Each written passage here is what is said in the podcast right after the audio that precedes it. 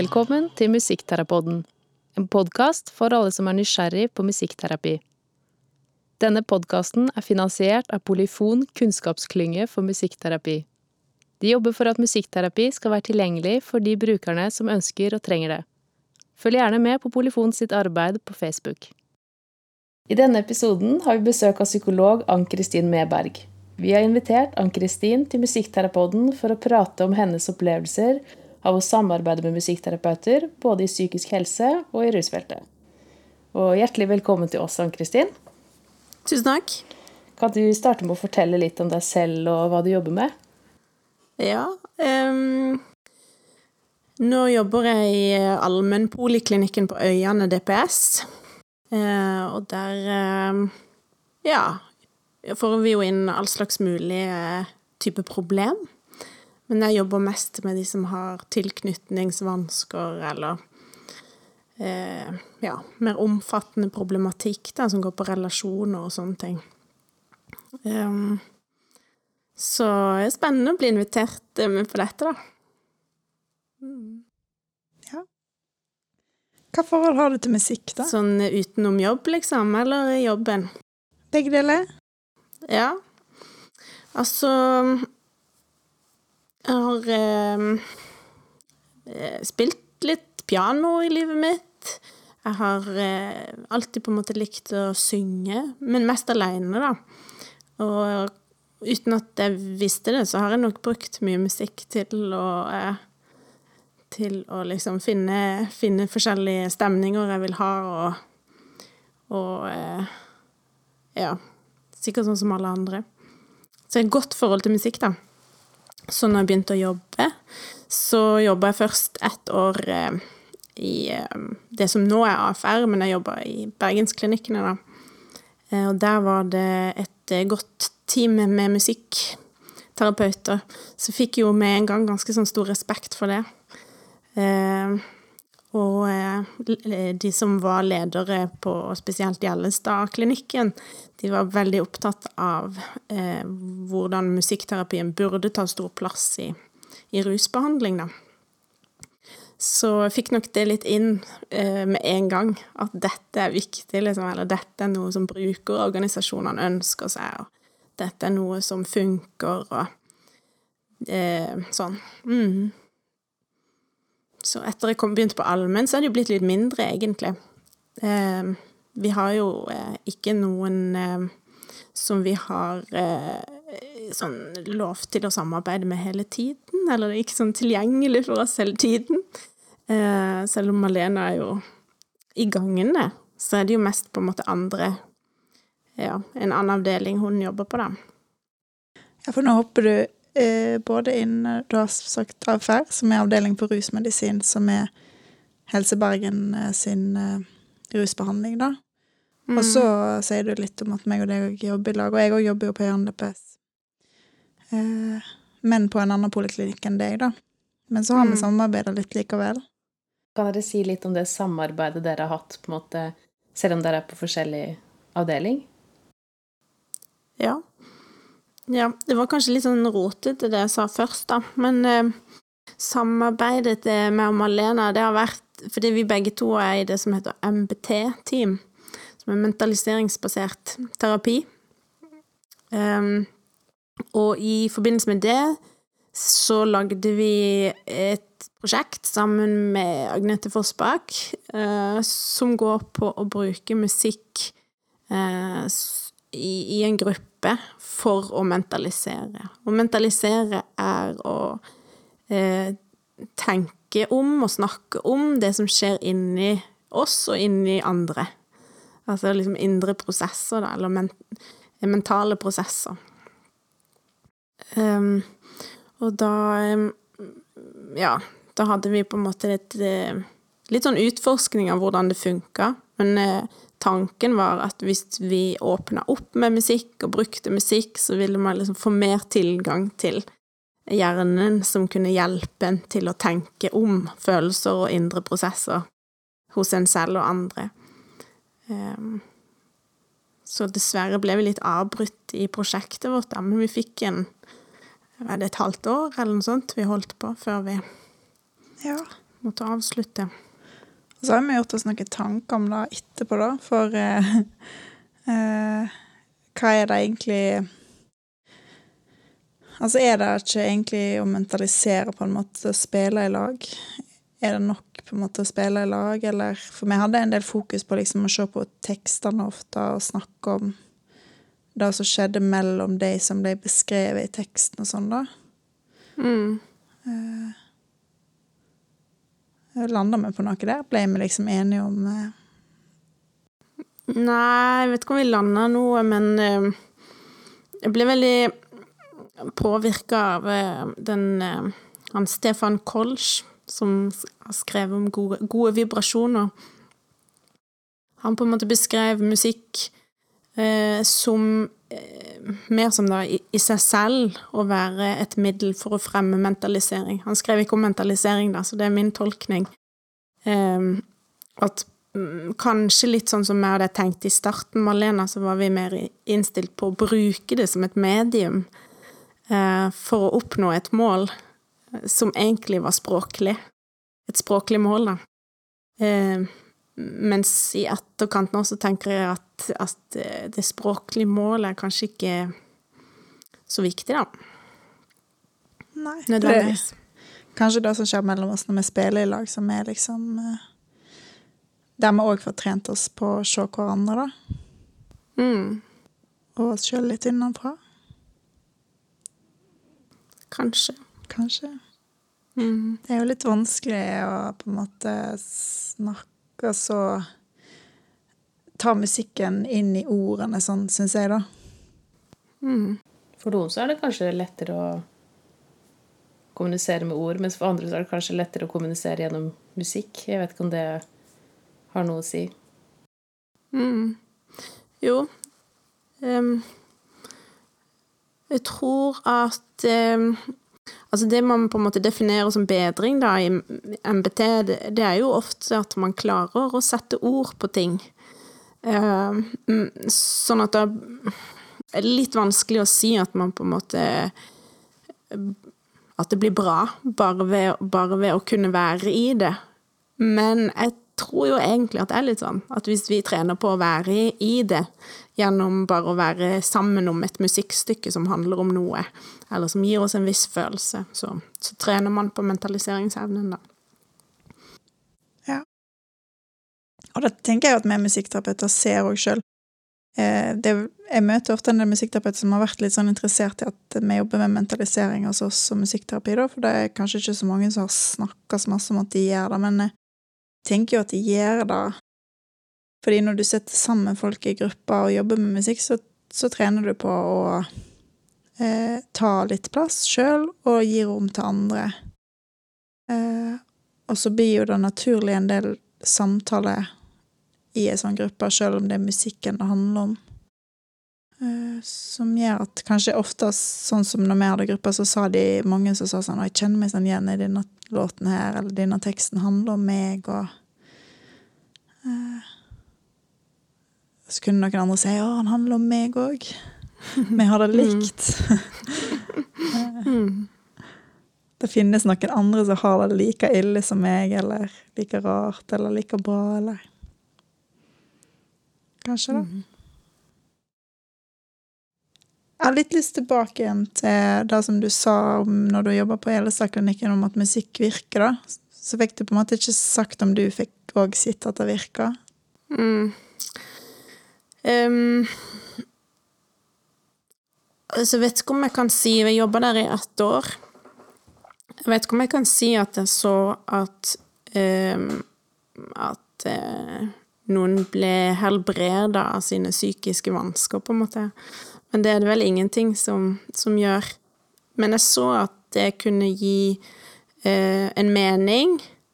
At det kunne gi en, um, en um, Et sted og et rom å få være noe, noe man på en måte valgte.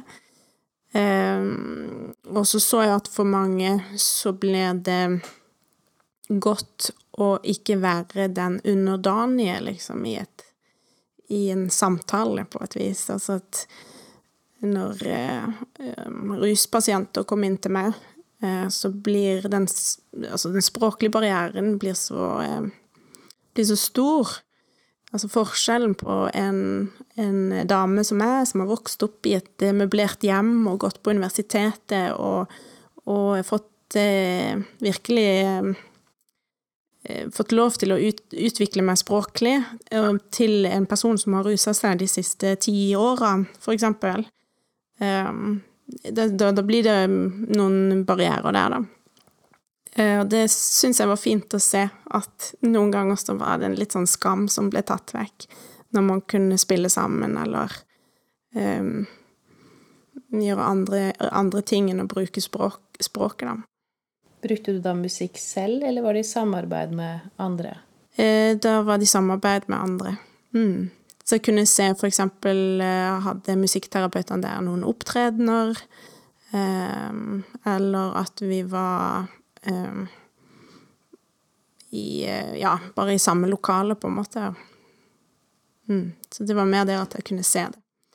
Så hadde vi samarbeidet mellom meg og musikkterapeuter. Det gikk jo som regel ut på at vi lagde en behandlingsplan der vi kunne få si noe om at ok, så vil vi ha musikkterapeut sånn, og så vil vi ha eh, psykolog sånn, for å hjelpe pasienten mest mulig. Um, men det er jo ikke før her på Øyane DPS at jeg har vært med på å eh, samarbeide med på en måte ett prosjekt, eller med en musikkterapeut. Mm. Men bruker du noe musikk i arbeidet ditt nå, eh, sånn alene, eller da som regel i samarbeid nå også? Eh, jeg har blitt litt inspirert av Malena, da. Eh, så nå er det av og til med noen eh, pasienter jeg har, der jeg kan eh, eh, bruke musikk Men det blir jo ikke et musikkrom, det blir jo typ Kan du spille, spille en sang som du har hørt på i det siste, eller Og så kan de ta fram mobilen, og så kan vi snakke om den sangen, eller Eller bare lytte til den sangen sammen, eller um, og så har jeg jo også i større grad eh, anbefalt, eller på en måte lagt inn det som en både som en del i en for eksempel kriseplan eller en, eh, en behandlingsplan. At pasienten selv eh, sier at ja, musikk er noe jeg liker, det kan jeg bruke, og så kan vi snakke om hvordan pasienten kan bruke musikken på egen hånd. Så etter å ha blitt inspirert, så har jeg jo eh, eh, ja, putta det mer inn i, eh, i, i, hverdagen, da, i poliklinikken. Mm. Det er veldig fint. Jeg tenker det er noe av det viktigste kanskje med tverrfaglig samarbeid, at vi får tips av hverandre på en måte til hva vi kan gjøre og ta videre i vårt eget arbeid med klienter, da. Mm. Og så har du jo hatt eh, vært litt vikar for meg av og til. Med de pasientene ja. som ikke har kunnet hatt på en måte pause. Så du har jo vært på musikkrommet og spilt litt piano og Ja, det har jeg nesten glemt, men det har jeg jo. det er av og til eh, der man virkelig har funnet eh, noen Dere kaller det klient, jeg kaller det pasient, men noen pasienter eh, som virkelig har veldig utbytte og nytte av musikkterapi, og så har vi liksom stått når Marlene har vært vekke, så har vi liksom stått og tenkt nei, vi trenger en musikkterapeut i denne saken. og så har jeg sagt liksom ja, jeg kan kan gjøre det. Kan prøve å fylle Malenas sko. Men det har vært en veldig fin opplevelse. Mm. Det er veldig personlig musikk, eller det å dele noe, tenker jeg er veldig fint eh, for å få folk til å åpne seg mer. Jeg ser også mm. det i min jobb at hvis du først får noen til å dele en sang, og kanskje jeg deler en sang tilbake, så føler jeg på en måte at vi får en, en annen relasjon, da. Selv om den fortsatt er profesjonell, så føler vi fortsatt at begge parter har gitt noe av seg selv, da. At det kanskje blir lettere med videre arbeid senere. Jeg vet ikke om du har følt noe på det? Um, jo, altså assosiasjonen jeg fikk når du sa det, det er at at eh, um, når jeg traff eh, Eller når jeg treffer pasienter på musikkrommet, de få gangene det har skjedd, eh, så må jeg eh, gå inn et sted der jeg ikke er helt trygg, og jeg ikke helt vet hvordan ting funker, og ikke helt ja, det er ikke like trygt som å sitte i, i, i godstolen på kontoret mitt, da. Uh, og da å treffe noen i den situasjonen, og kanskje også hvis pasienten har ganske god kontroll på musikkrommet, uh, at det gjør noe med, med relasjonen. At man liksom uh, treffes på et annet sted. Da. Det er noe sårbart, det er noe mm, Noe veldig nært, på en måte, eller Det er veldig sånn ekte, og det har jeg kjent på når jeg har kommet inn på kontoret ditt, og når jeg har vært vekke litt, og så forteller du meg om en sånn opplevelse. Så ser jeg at det, der, det var sterkt for deg òg, fordi at du var litt sårbar, og så gikk det bra. Og så kan jeg Mm. liksom få heie på deg og si sånn 'Dritbra jobba, dette er kjempeflott', og det, det er sånn det skal være, og uh, Det har jo vært veldig gøy for meg i alle fall å høre om de tingene mm, via deg. Og, og jeg er jo helt enig med det som du kan si, at det er noe med at det blir ja, litt nært, kanskje, da. Når en kan dele noe så ufarlig, men samtidig ganske utrygt som musikk kan være, da. Tenker du at en musikkterapeut og en psykolog eh, holder på med det samme, liksom? Det er et litt provoserende spørsmål, men eh, eh, jeg tror nok mange lurer på om en kan, om en kan tenke litt rundt det, da. Mm. Ja, jeg tror jo egentlig det. Um, jeg tenker at eh, vi har uh, forskjellige metoder og forskjellige måter å beskrive ting på, uh, men at uh, å hjelpe et menneske, det handler om å møte mennesket der det er, og å skape på en måte en relasjon og en tillit da, mellom to. Um, og i hvert fall mye av det jeg jobber med, som er relasjonstraumer eller skader, eller Der er jo på en måte Det er relasjonen som er eh, det viktigste eh, for å få en helbredelse, da, eller en bedring. Eh, og da tenker jeg at vi er på helt samme I, i helt samme terreng, da. Mm.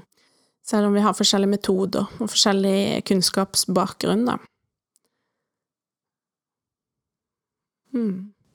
Og så tenker jeg at vi kan utfylle oss veldig fint. Jeg kjenner iallfall på det at det er viktig å være Når du jobber med folk som har alvorlige tilknytningstraumer eller skader, eller altså har veldig utfordringer med det, så er det viktig å være flere, da.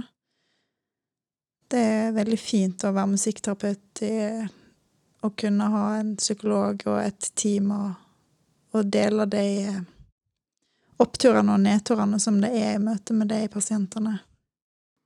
Mm. Når dere sier tilknytningsvansker Nå er jo ikke dette mitt sterkeste fagfelt. Vil dere si litt om hva måte, som ligger i det ordet? Mm. Mm. Ja, altså tilknytning er den eh, Det båndet du lager med omsorgsperson eh, tidlig i livet.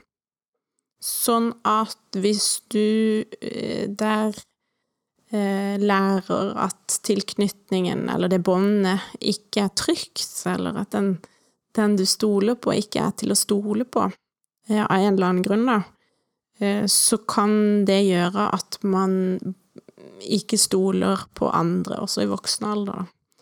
Enkelt forklart. Så det er noe med det derre mønsteret i i det tidlige båndet som, som gjerne har en tendens til å følge litt med det.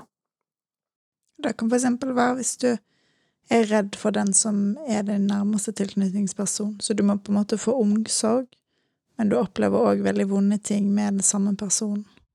Og da blir du veldig forvirra når du blir voksen og kanskje skal treffe en kjæreste eller venner og kollegaer og sånn. For det å vekke da ting i deg som på en måte skjedde når du var liten, da. Ikke sånn at du får minne om det, men det er på en måte Du får følelser knytta til det som du kanskje ikke forstår helt. Hvordan kan man da bruke musikk og når man jobber med personer med tilknytningsvansker? Jeg har så lyst til å si det som Dag Nordanger sa når han var hos oss. Det var bare så nydelig. Det er sånn at eh, Hvordan eh, bysser du en tenåring? Jo, med musikkterapi. Med å spille i lag. eh, for det er på en måte å få nye sånne trygge tilknytningsrelasjoner, da. Er du enig i det, Kristin? Mm. Ja. Ja, på en måte øver seg på å være i tilknytning til noen, og tåler det. Og tåler det at man liker forskjellig musikk og sånne ting, eller er det Kanskje mer den nærheten som oppstår mellom oss når vi spiller i lag. Sånn. Så hvis jeg, hvis det groover veldig, og jeg ser på deg, og du ser på meg, og liksom du tenker at ah, nå spiller vi sammen, og sånn, så kan det kjennes veldig godt hvis du føler deg trygg i lag med andre, men hvis du er utrygg, så kan det bli veldig skremmende. For da har du kanskje tråkka inn for de grensene som jeg har. Men nå har vi en psykolog her som er spesialist på dette, så nå må du gjerne si litt om Ja mm, Altså, spørsmålet ditt er hvordan musikk kan være med å behandle det, eller på en måte hjelpe med tilknytning. Ja. Mm, ja, da vet jeg ikke om jeg er spesialisten her. Kanskje mer om, eh, om eh, hva musikk kan bidra til, på en måte Mm. Hvis du har tilknytningsvansker, da. Ja mm. Ehm. Ja, altså det er på en måte flere ting, da. Men jeg tenker at det er noe med musikk som er eh, ganske ufarlig for mange som syns språk er farlig. Um, og så er det noe med at det vi ønsker å oppnå, er jo at noen kan uttrykke noe, eh, og så kan man dele det. Um, at det- på en måte er behandling for eh, relasjonstraumer. At man tør å uttrykke noe, og så kan man dele det på en fin måte, da. Som for eksempel hvis man er trist, så kan man gråte, og så kan man bli trøsta. Um, og derfor er musikk eh, nyttig, fordi at når man uttrykker musikk, eller spiller musikk, så kan det liksom På en litt sånn ufarlig måte, egentlig. Det er lettere å, å spille en sang som noen andre har lagd, enn å skulle sette ord på det kaoset som er inni en. Selv om den sangen kan være like representativ, på en måte. Og da er det også lettere for den andre, altså eh, for behandler, musikkterapeuter eller, eller psykolog, og ta imot dette eh, på en, på en litt sånn mer distansert måte, eh, sånn at man ikke trykker over noen grenser, eller. Så det er akkurat som at vi får eh, øvd på den tilknytningen ved å eh, ved å gi noen det de trenger, eller det de ber om, uten at det blir eh, så nært som det kanskje ville blitt hvis du satt i en psykolog, på et psykologkontor og gråt. Ja. Er det mening? Ja. Og det er kanskje liksom eh, en tekst som er Som er på en måte I need you now, I need you now, but I don't care if you hate me, for eksempel. Mm. Og så, så hører vi på den, og så, og så kanskje de Så kan jeg si sånn Ja, hva som gjorde at du ville at vi skulle høre på denne sangen i dag, da? Og så da er det veldig mange som ofte trekker fram den ene linja, liksom uh, I don't care if you hate me. Og så kan jeg si sånn Å ja. Hm. Stemmer det? Så kan vi på en måte utforske det litt, sant, eller hvis det er så trygt at vi kan si det sånn at de sier noe om at denne sangen handler om meg, men hvis det er ikke så trygt at de sier det, så sier de Og kanskje ikke det handler om de heller, men hvis de på en måte har hint om at det handler om de, men de sier det ikke helt, så kan vi snakke om hvordan det er å være den personen som trenger å bli elska, men som opplever å bli hata likevel, da. Hvor, hvor vondt det kan være. Og så Det er kanskje et sånt eksempel på hvordan det kan se ut litt når vi prater om disse tingene etter vi har hørt på sangen. Og da er det ofte veldig viktig for meg at vi synger, synger i lag. Hvis vi hører på låten, og det er en låt som den personen har hørt masse på, at vi da synger den sammen med opptaket. Sånn at det, at det setter seg litt mer, da, enn bare det å høre på det. Ja, tenkte på, for det du sier nå, det er på en måte det vi, det vi tenkte når vi begynte med prosjektgruppa, da. Eh, og så har vi, eller i hvert fall min oppfatning av det nå er litt annerledes, at hvis man tar det som skjer i musikken, og så skal man absolutt sette ord på det, eh, så kunne vi like godt ha på en måte brukt noe annet, da. Eller eh, da vet jeg ikke om den musikken på en måte blir eh, så viktig, eller så eh, Hvis problemet er liksom at man ikke klarer å sette ord på det, eh, så må musikken liksom være det man gjør istedenfor, at det er godt nok, da. Ja. Og da er det ofte, for det er ikke alltid at vi snakker om det etterpå. Ofte bare Nei. spiller med låten, og så går vi videre. Eh, Og så trenger det ikke alltid bety mer for pasientene, eller for meg, enn at vi har spilt den låten, og at de liker den, eller Ja. Men blir det uvant tankegang som psykolog, på en måte? At man lytter til en låt, og så går man på en måte videre uten å snakke om det? For det er kanskje litt sånn fordomsting at psykologer alltid skal snakke så mye. Mm. Mm, ja, jeg tror jo på en måte at det var det, akkurat det, den greia der som vi støtte på når vi begynte prosjektet vårt. Eh, at det, det ble helt rart for meg å bare, å liksom bare skulle lytte til en sang, eller bare skulle spille sammen. Hva skal vi med det, på en måte?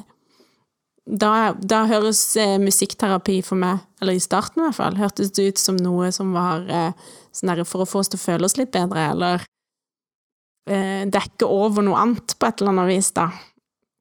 Mens nå tenker jeg litt annerledes om det. Um, um, ja, det er akkurat som at, at eh, så ja, Litt sånn som jeg sa innledningsvis, da. At i starten så tenkte jeg at musikk var et medium for å oppnå noe som vi kunne snakke om. Eh, mens nå tenker jeg mer at musikk i seg selv er det er, en, er et resultat, da, eller kan være det resultatet vi er på jakt etter. Ja, og det skjer noe da, For det kan være folk som går hos oss kjempelenge og, og bare vil høre på musikk og sånn, ikke spille et instrument, eksempel, og så plutselig en dag så tør de å ta initiativ til å spørre om å få lov å lære seg å spille piano, for eksempel, og så setter vi oss bak pianoet, og det, det er jo kanskje da jeg som musikkterapeut tenker at nå, nå er vi nå er vi der, på en måte, at vi har tatt et steg videre i, i relasjonen oss og det, det som er mellom oss, da, når vi kan spille i lag. Fordi det er noe annet enn å på en måte analysere tekst. da. Mm. Ja, jeg ser liksom for meg at det man er på jakt etter, eller det som man ikke får til språklig, det, det er eh, at eh, man eh, kjenner på det samme, da. Og at vi vet at vi kjenner på det samme fordi vi enten spiller musikken sammen, eller vi ser på en måte på hverandre og ser at nå, nå lytter vi til det samme og forstår det samme ut fra denne sangen eller stykket, eller hva det skulle være. Ehm, ja. Jeg tåler at du kjenner på dette, du tåler at jeg kjenner på dette. Eh, og det er jo Det er tilknytning. Ja. Vi har tenkt litt på at eh, For du er jo på en måte vant til å jobbe med musikkterapeuter. Du har samarbeidet på Bergensklinikkene før, og så har du samarbeidet med Malena, så du er på en måte vant til å se det. Men tror du at mange psykologer kanskje er litt skeptiske til musikkterapi, siden det ikke er så mye kanskje Det er liksom ikke alle steder det fins musikkterapeuter, da. Så det kan jo kanskje høres rart ut for meg, for psykologer hvis de ikke har informasjon om musikkterapi. Ja eh, Ja, jeg tror det er mye på en måte I psykisk helsevern i seg selv så er det jo et litt sånn hierarki. Eh, det har i hvert fall vært det veldig lenge. Litt sånn hierarki på hvem som kan ta visse avgjørelser, og hvem som kan skrive ut medisiner, eller ikke sant. Så jeg tror jo på mange måter at når musikkterapeuten kommer inn i dette bildet, så starter man på bunn. Um, og sånn er det nok litt eh, nå også. Og, så tror jeg at ehm, vi har ofte en opplevelse og en forståelse av, for det stemmer nok litt i terapirommet, at når man klarer, eller når pasienten klarer å sette ord på ting, eh, da begynner vi å se bedring, eller det, det, det henger sammen med, med bedring. Um, Sånn at da kommer man jo ofte litt kort til kort i musikkterapien, for det, det, er ikke nødvendig å sette ord på ting på samme måte. Um, så vi har jo på en måte definert oss litt ut av eh, av å se på musikk som, som bedring, da. Hvis vi liksom tenker at du må kunne ha innsikt, eller du må kunne eh, vise følelser med ord, eller du må Da, da er det jo ikke sikkert at det eh, musikken klarer å, å, få til det, da. Og samfunnet for øvrig gjør jo det samme, da. Vi sier jo gjerne at du skal, ha, du skal være flink med ord for å, for å ha god mental helse, ofte. Mm. Mm. Ja, og så føler Da er det som musikkterapeut på DPS, da, som jeg begynte jo her som jeg jobber nå, så der var det ikke musikkterapeut før jeg kom. Så, og det er jo helt sant at da begynner en jo på bunnen av hierarkiet, eller på scratch, på en måte, med å forklare hva musikkterapi er, da. Eh, og da opplever jeg egentlig at eh, den beste måten å forklare det på, det er å spille konsert med pasienter som har store utfordringer. Og så når de legene, for eksempel, eller psykologene eller sykepleierne kommer inn, og så ser de hva de får til musikken, så skjønner de at musikk òg er behandling, da. Eh, uten at vi trenger å bruke så mange ord, fordi at det, det gir jo bedring på en annen måte, da. Du styrker jo kanskje noen ressurser som de har, og som ikke nødvendigvis er det å prate, da. Mm. Men jeg skjønner at eh, det kan bli For jeg skjønner på en måte at, dere, at psykologen har som mål da på en måte å få folk til å sette ord på ting også. Eh, men så skjønner jeg også at det ikke er nødvendig på en måte hos Malena i musikkterapirommet. Så jeg tror det er på en måte kombinasjonen mellom de to mm. kanskje er viktig for eh, ekstra god bedring, da. ja. For at du skal bli helt frisk. Nei da. Ja. Kommer bare så langt, men ikke lenger uten musikkterapi. Okay, det var dårlig formulert, men dere skjønte hva jeg mener. Fint, det. er jo det er jo, Da kan vi jo komme innom på det som på en måte kanskje er liksom størst bevegelse i psykoseretningslinjene, da, og i psykosebehandling sånn som det er nå, så er jo recovery er sånn eh, veldig sånn fane Det er bedre behandling og veldig preg av, da. Og da handler det jo om på en måte at eh, hva er definisjonen av å være frisk, på en måte, når en har en kronisk Eller en sykdom som av og til kan være eh, nesten kronisk, da, for noen For noen som har en psykisk lidelse, strever med den hele livet, og andre gjør det ikke. Og da er det jo da å finne en måte å leve livet på som er et godt liv, på tross av at du har eh, de symptomene eller utfordringene eller den sykdommen. Alt etter hva du velger å kalle det, da. Eh, og det er jo grunnen til at musikkterapi har fått plass i psykisk helsevern, egentlig. For at eh, vi skal være med å løfte fram det perspektivet, da.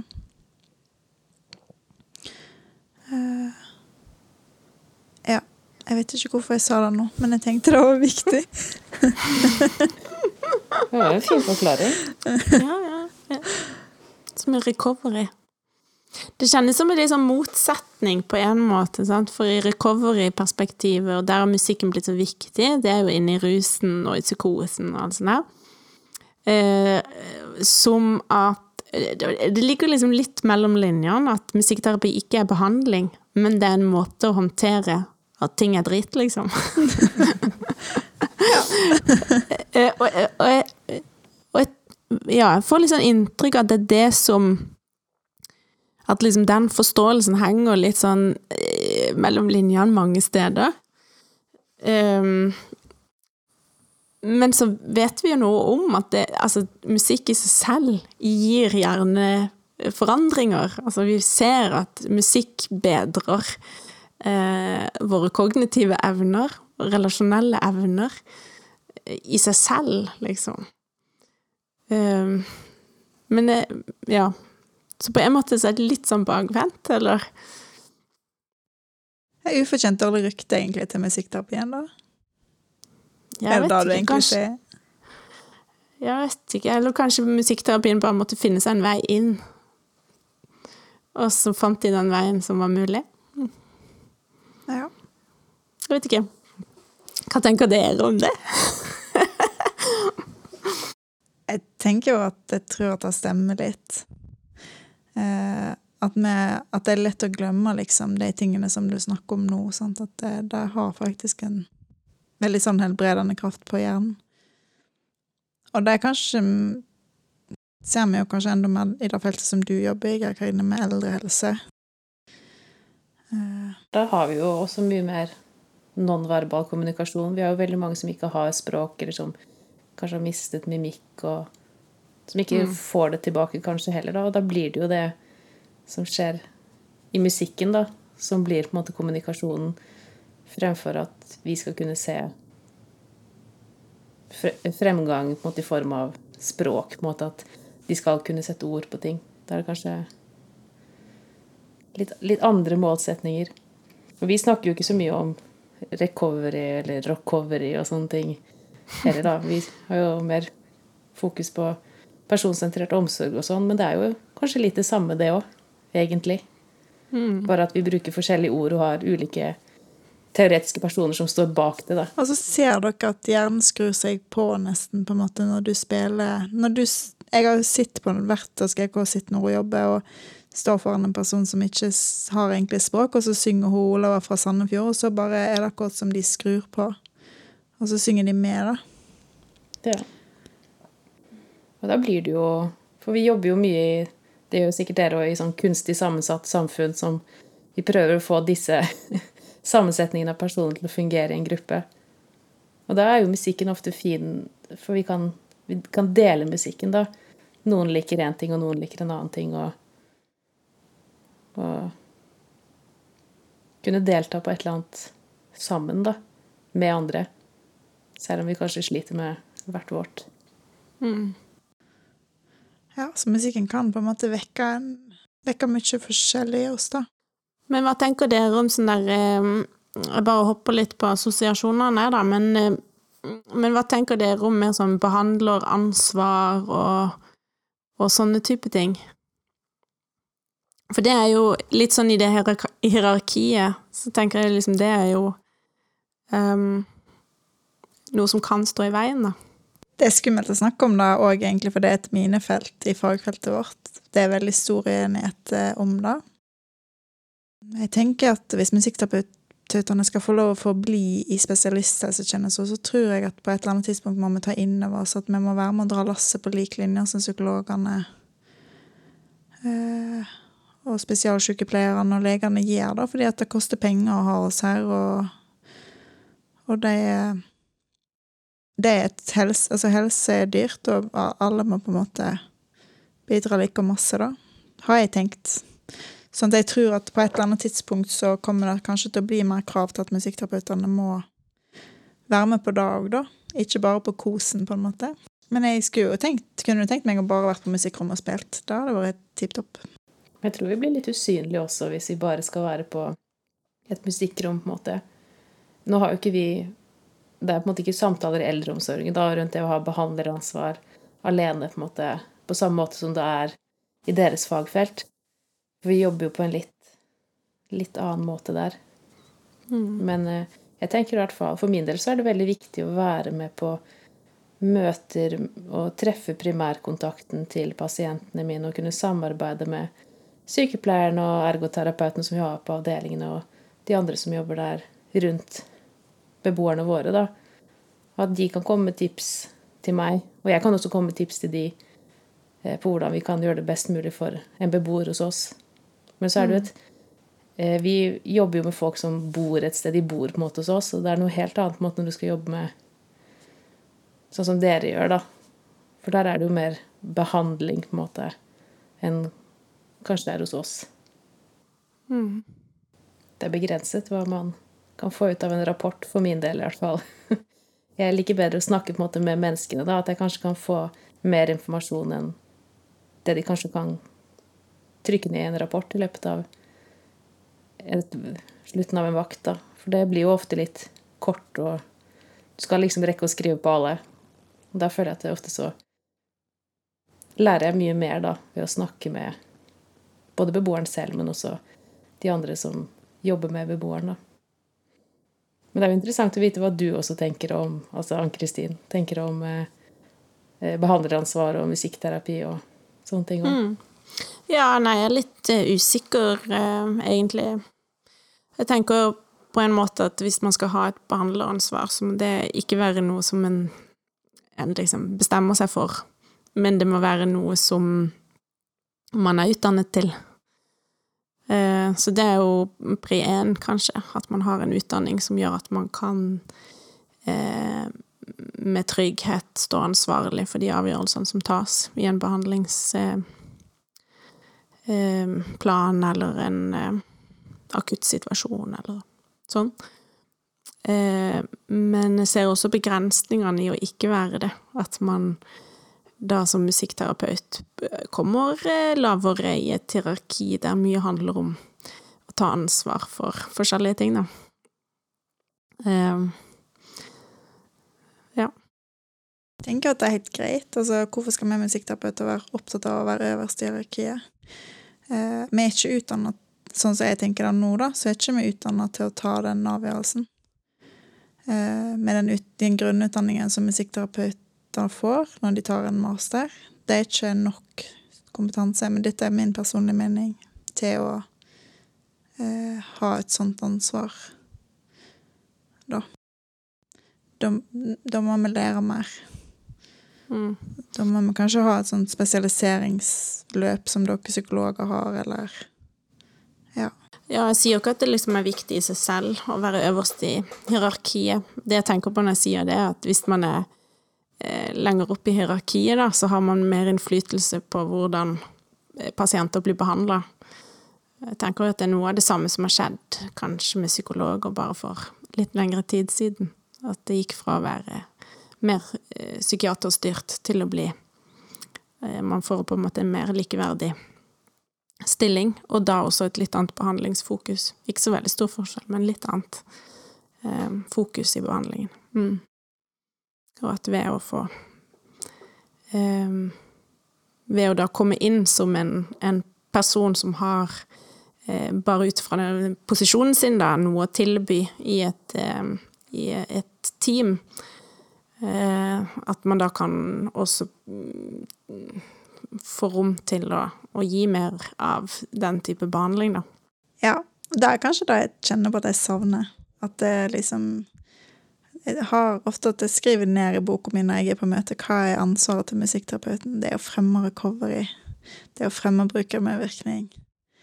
Og da kan jeg jo kjenne på at hvis stemma mi hadde vært viktigere, så hadde kanskje da kommet høyere opp. Men jeg opplever òg at jeg blir tatt på alvor i teamarbeid på DPS-en vår. Sånn at stemma stemmen til musikkterapeuten kan bli hørt sjøl om en ikke har behandlingsansvar og den samme kompetansen. Mm. Jeg er veldig glad for å høre det. Mm. Men det har ikke alltid vært sånn. Det er jo for at eh, vi har fått oss noen år her til å bli kjent med hva musikkterapi kan være for pasientene, da. Jeg tror det er viktig. For det er vanskelig Vi syns jo som musikkterapeuter kanskje at det er vanskelig å definere selv hva musikkterapi er. Så det å skulle begynne et nytt sted hvor du kanskje ikke har hatt musikkterapeut før, og skulle liksom få behandlingsansvar der med en gang, er jo vanskelig. For det. hvis du kanskje ikke klarer å definere det selv, så er det vanskelig for de andre å vite hva, hva, hva er du egentlig, hva kan du brukes til, hva, hva gjør du? Så jeg tror det tar tid på en måte å opparbeide hva det kan være, da, et sted.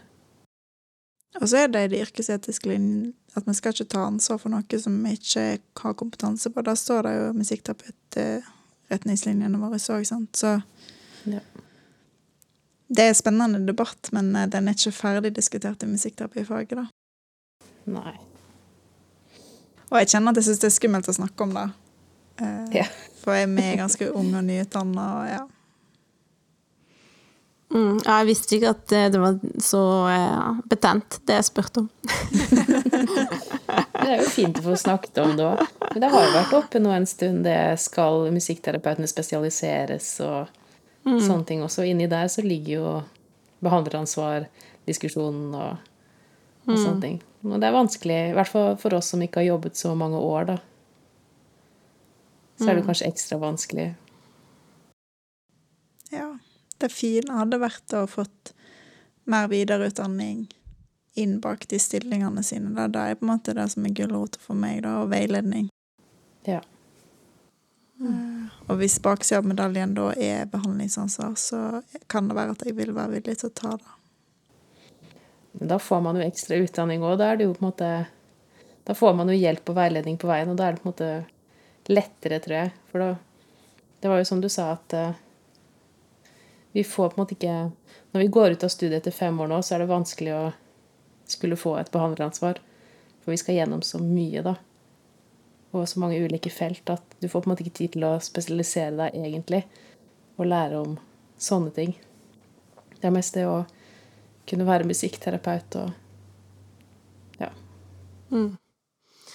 det er på en måte bra, det, da. Jeg tror jo liksom at at eh, mm, mm, ja, musikkterapeuter har et ansvar, litt sånn som Malena tar, tar da det ansvaret med å med å fremme hva hun kan bidra med, eller hva musikkterapien kan bidra med. Men jeg tror jo også at psykisk helsevern mm, i sin helhet har eh, et ansvar for å faktisk lese seg opp på hva er det som skjer av eh, forskning som viser hvilke ting som funker. um, sånn at vi har noen, noen, forskjellige verktøy å spille på, eller forskjellige innfallsvinkler når vi skal hjelpe mennesker. Det er ikke alle som kan få det samme. Um, så det er jo kanskje det jeg syns er kjekkest da, med å, ha, med å jobbe i et team, og også veldig kjekt å jobbe i et miljø der det finnes andre um, yrkesgrupper uh, som bidrar med noe som, som er ganske annerledes på en måte, men også liksom i samme landskap, da, sånn som jeg sa i stad. Mm. Ja, det er jo sånn for musikkterapeuter òg, for det er jo da en lærer seg eh, Altså, vi har så masse å lære av de som har vært i fagfeltene som vi jobber i nå da lenge. Altså, vi har masse å lære av teoriene som blir brukt, og måten å jobbe på sånn. Men så er vi stolte av at vi har noe å bidra med òg, sånn som du sier, at vi kan bidra med noe annet. Og dra inn nye perspektiver. Når vi hadde Brynjulf Stige her, så snakket vi jo en del om det, at det, så den står jeg for ennå at psykisk helsevern og, og behandlingsapparatet har behov for en del endringer, kanskje, da. At vi er ikke i mål med, med at brukerne på en måte får Ja. At de kanskje får den plassen de bør ha i å bestemme sin egen behandling, og si at noen kan se, eller at man kan se at for noen virker musikkterapi, for noen virker trening, for noen virker samtaleterapi, og for noen er det en kombinasjon av alle de. Eller medisiner. Så jeg tenker at vi har et stykke å gå, og at det er bra for psykisk helsevern at musikkterapi er kommet inn og kan være med å dra, dra i den retningen, da. Er det noe mer du har lyst til å si om musikkterapi og, og det å være psykolog og samarbeide med musikkterapeuter som jeg ikke har spurt deg om? Mm, nei, vet ikke. Kanskje. Eh, jeg har lyst til å si noe om at jeg tror Jeg tror at en god psykolog, det er ikke en psykolog som kan så voldsomt mye, eller har lest seg opp på alt, liksom. Jeg tror at en god psykolog er det å være veldig nysgjerrig på en annen persons indre liv, eh, og eh, være nysgjerrig på eh, sine kollegers eh, erfaringer og innspill, og det som skjer rundt dem.